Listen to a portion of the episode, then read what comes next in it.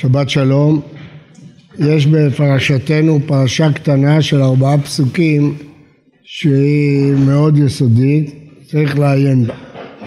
נאמר בפרשה, פרק כ"ו פסוק ט"ז, היום הזה השם אלוהיך מצווך לעשות את החוקים האלה ואת המשפטים ושמרת ועשית אותם בכל לבבך ובכל נפשך את השם האמרת היום, להיות לך אלוהים וללכת בדרכיו ולשמור חוקיו ומצוותיו ומשפטיו ולשמוע בקולו והשם האמירך היום להיות לו לעם סגולה כאשר דיבר לך ולשמור כל מצוותיו ותדחה עליון על כל העמים אשר עשה לתהילה ולשם ולתפארת ולהיותך עם קדוש להשם אלוהיך כאשר דיבר. הפרשה הזאת שמופיעה כאן צריכה ביאור. מה קרה היום? מה זה היום הזה השם אלוהיך מצווך לעשות? אה, רש"י מפרש על פי דברי חכמים בכל יום ויום יהיו בעיניך כחדשים. כל יום אתה צריך להרגיש שהתורה ניתנה היום, לא פעם, שהיא נוגעת אליך, שהיא אקטואלית לדור הזה, שהיא מדברת אליך, היא לא דבר ישן כמו שלומדים כל מיני חוקות של עמים עתיקים.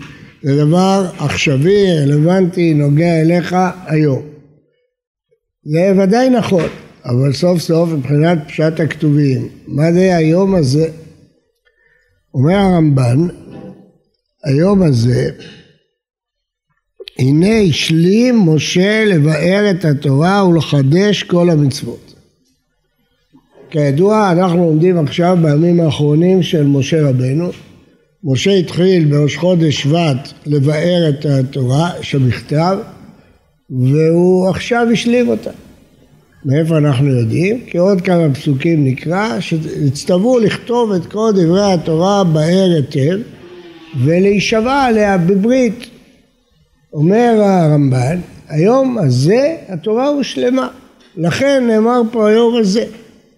כידוע, התורה ניתנה מגילות, מגילות לפי דעה אחת, כלומר כל אירוע שקרה נכתב ונמסר, אז זה ברור שפה סיום כל האירועים.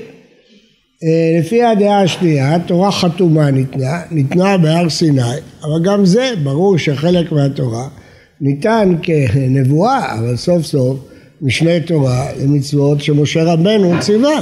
והמצוות האלה לא הסתיימו בהר סיני, הם נמשכו לתת עכשיו, ארבעים שנה עד היום האחרון. ישנן שתי מצוות שאנחנו נפגוש אותן בפרשת וילך, שיש ויכוח אם הן מצוות, על אחת אין ויכוח, הקהל את העם הזה, והשנייה יש ויכוח שזה כתיבת ספר תורה, זה לא מפורש, אבל זה שיטת הרמב"ם והראש. המצוות הללו הרמב"ן לא כלל אותם כי הם מצוות על כל התורה, הם בעצם סוג של סיכום. אחרי שקיבלנו את כל התורה ואת כל המצוות, אנחנו מצווים כמה דברים שסיכמו. א', לכתוב את הכל בהר היטב. משה רבנו הצטווה לכתוב וציווה על כל שבט לכתוב לו את ספר התורה השלם, כי עכשיו הושלמה התורה. ב', להישבע על זה בארור, בהר גריזים, בהר עיבל, לעשות ברית חדשה, לקבל את כל התורה כולה. ג' להתאסף פעם בשבע שנים ולקרוא את כל התורה הזאת. ד' לכתוב ספר תורה. שתי המצוות האחרונות ממילא הם סיכום של אותו דבר, של לסיים את התורה, לחתום את התורה. והדבר הזה מסביר את הברית בהר גריזים והר עיבל, ארור אשר לא יקים את כל דברי התורה הזאת, כי אמנם נכרתה ברית בחורב, אבל מאז נוספו הרבה מצוות שעליהן לא נכרתה הברית. אז מחדש צריך לכרות עכשיו את הברית על כל המצוות שיכללו, אה, שתכלול הברית הזאת את כל המצוות מהר סיני עד עכשיו. ניתנו עוד מצוות רבות במשנה תורה, ולכן צריך מחדש לכרות את הברית בהר גריזים ובהר עיבל, ואז כבר אנחנו מתייחסים אל התורה חתומה, וכפי שאמרתי, שתי המצוות האחרונות זה פשוט חתימת התורה, לקרוא אותה ולכתוב אותה. זה, זה איך לטפל בתורה הזאת שקיבלתם, לכתוב אותה, ופעם בשבע שנים לקרוא את כולה. זה אה, המבנה שהרמב"ן מחדש לנו, ולפי זה הפסקה שלנו היא דווקא היום הזה, היום הזה הושלמה התורה ואתם מקבלים אותה בשלמות, בברית, בעלה, בשבועה ומצווים לכתוב אותה ולקרוא אותה, זהו. אז בואו נראה מה כתוב. הבנו מה זה היום הזה. היום הזה השם אלוהיך בצמך לעשות את החוקים האלה ואת המשפטים ושמרת ועשית אותם בכל לבבך ובכל נפשך. ובכן היום הזה הושלמו החוקים והמשפטים ואנחנו מצווים לזכור אותם ולעשות אותם. הדבר הראשון שמירת המצוות ואז מופיעה אמירה כזאת את השם האמרת היום להיות לך על אלוהים וללכת בדרכיו ולשמור חוקיו ומצוותיו ומשפטיו ולשמוע בקולו. כן, יש פה סיכום, מה הדרישות שהקדוש ברוך הוא דורש מעם ישראל. אנחנו עוד לא יודעים מה זה האמרת, אף אחד לא יודע בדיוק, יש כמה השערות, אבל נתייחס לזה בינתיים כאילו נשבעת או קראת איתו ברית וכדומה. טוב, אז על מה? להיות לך לאלוהים. הדבר הראשון שעם ישראל מחויב שהשם יהיה לנו לאלוהים. זה מופיע בכל התורה כולה אחרי הברית של יציאת מצרים בהר סיני ולכל אורך הדורות שעם ישראל מקבל עליו את השם לאלוקים. אמר פעם אה, יעקב הרצוג שאין עוד עם שיש לו רק דת אחת ואין דת שיש לה רק עם אחד חוץ מעם ישראל. עם ישראל זה העם היחיד שיש לו רק דת אחת. יש אנשים לא דתיים, אבל אין דת אחרת לעם. אין שתי דתות לעם ישראל. לעומת עמים רבים בעולם שיש ביניהם מוסלמים ונוצרים ועובדי אלילים וכדומה. מצד שני, אין דת אחת שיש לה רק עם אחד.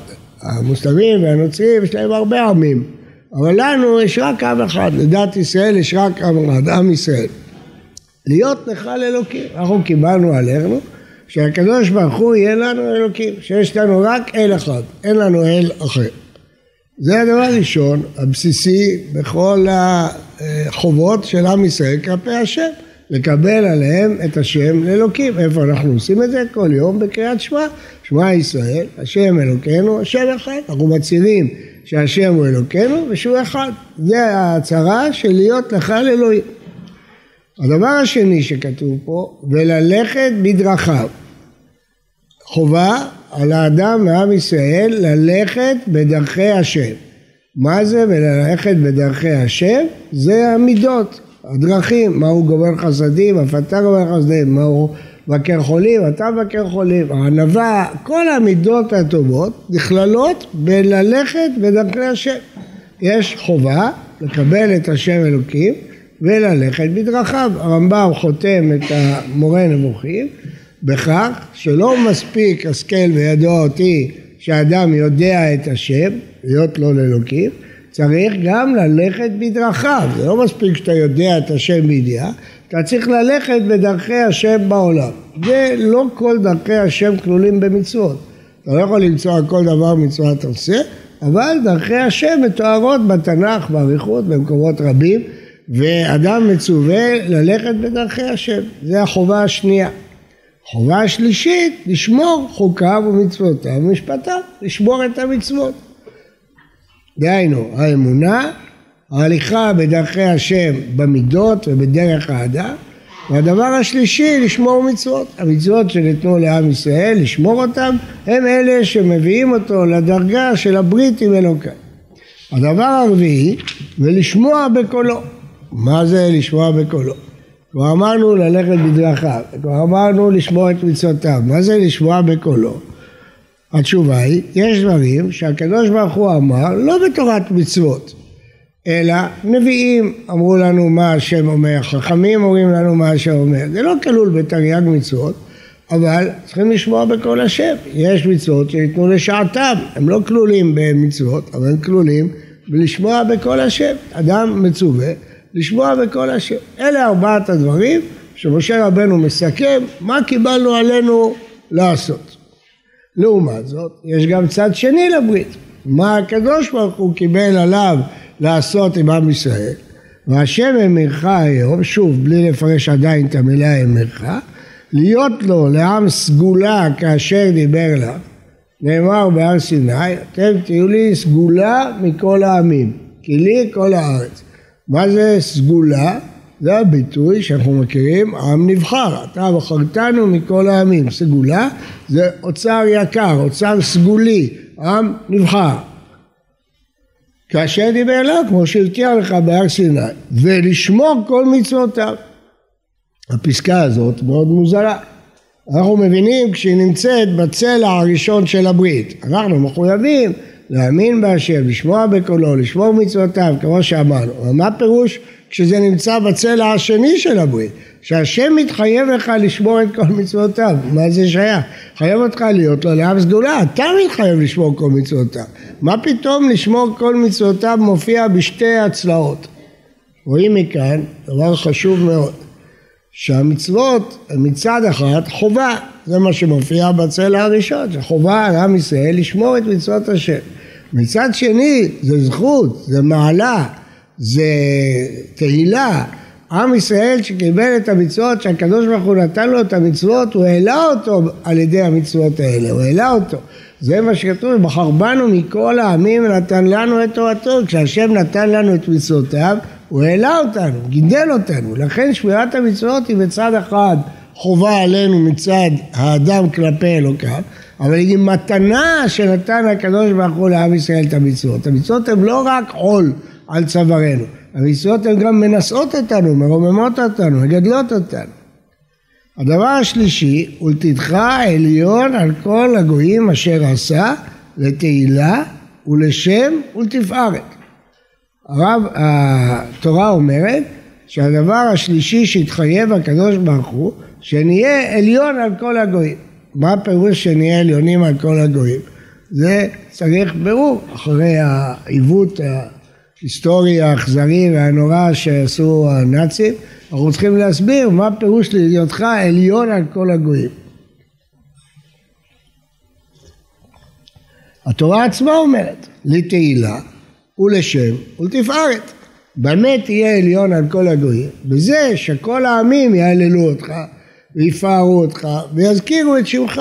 עם ישראל יהיה דוגמה לכל העמים. בזה אנחנו עליונים, בזה שכל העמים מתפארים בנו, כל העמים למדים מאיתנו, כל העמים רוצים ללכת בדרכנו.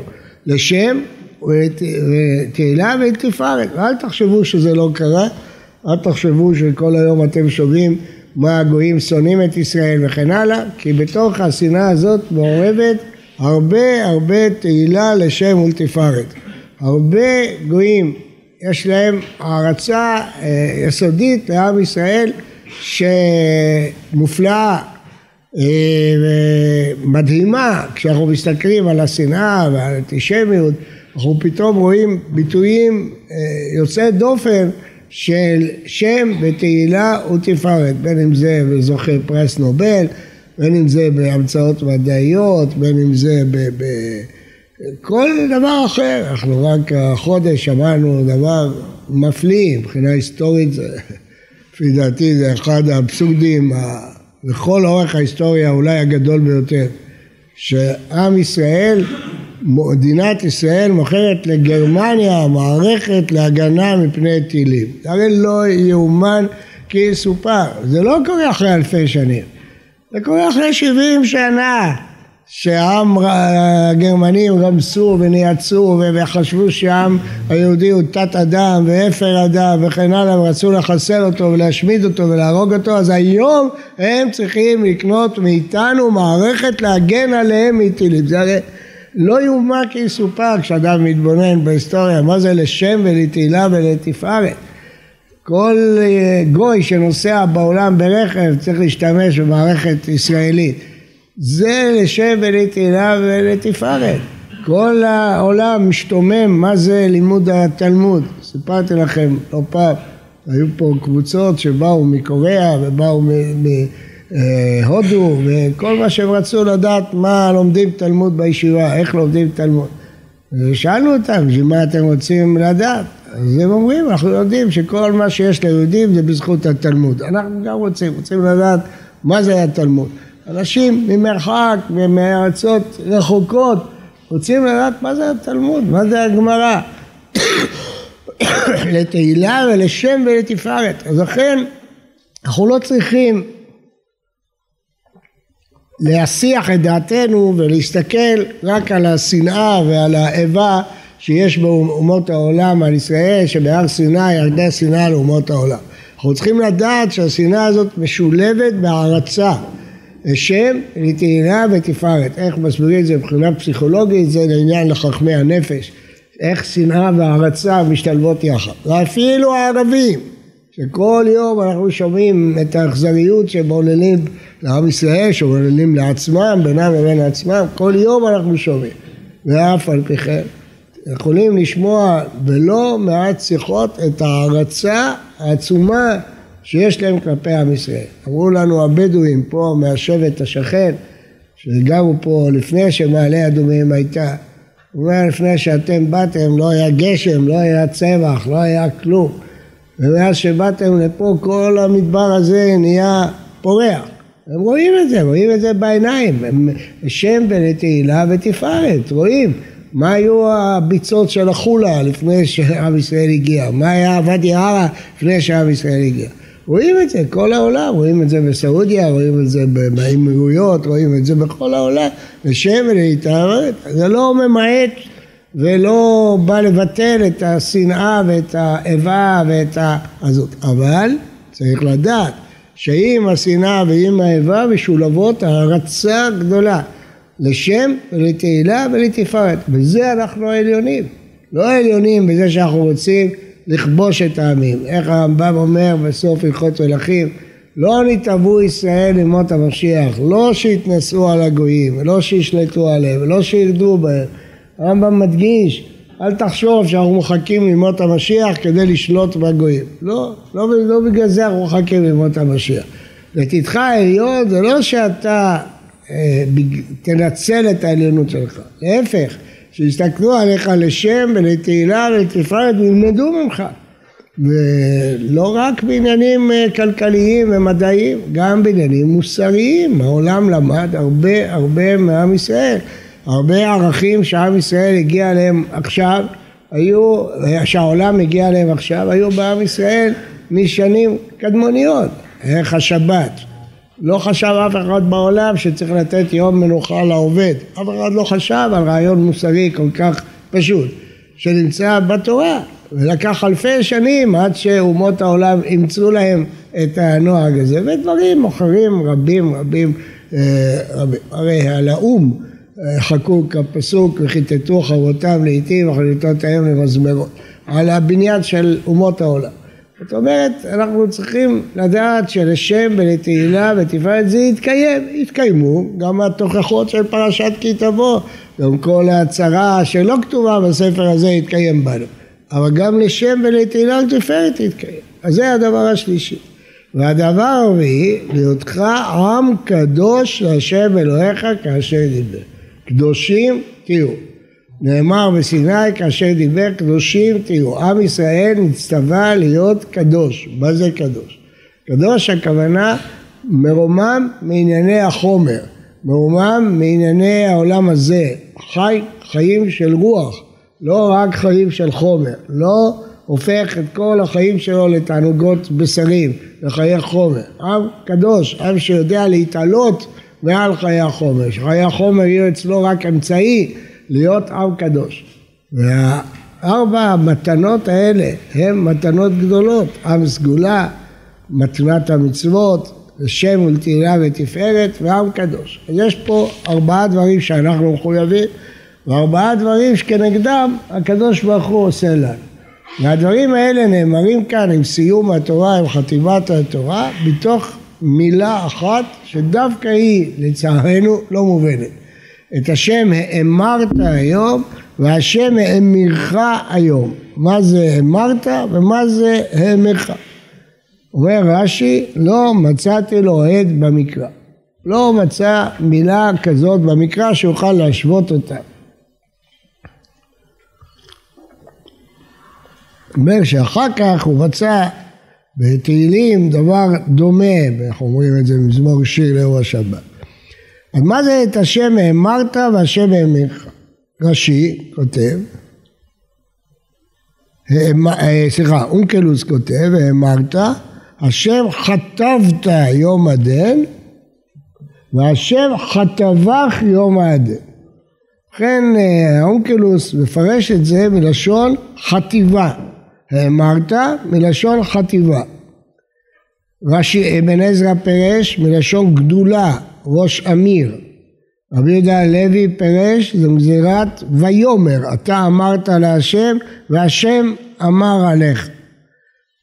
נתרכז בפירוש של אונקלוס חטיבה. מדוע? כי זה כתוב בגמרא, במסכת גיטין.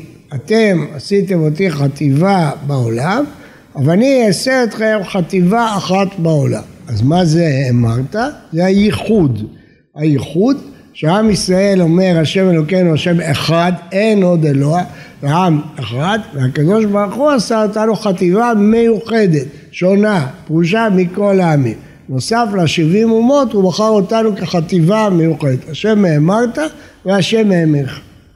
אבל זכינו פה לפנינה אחת שנלמדה מילד קטן. איזה ילד? אני יודע. גמרא אומרת שהיו בניה של אלמנה, שהקיסר אמר להם לעבוד עבודה זרה, מה שמפורסם בפי העם בשם חנה ושבעת בניה, ואמר להם לעבוד עבודה זרה, וכל אחד אמר לו תשובה, פסוק אחר, לא תעובדם, וכל אחד הביא לו את הפסוק. והבן הקטן אה, אמר לו, אה, כבר נאמר את השם אמרת היום והשם אמרך היום כבר נשבענו לשם אלוקינו שלא נמיר אותו באל אחר והשם נשבע לנו שהוא לא ימיר אותו באומה אחרת.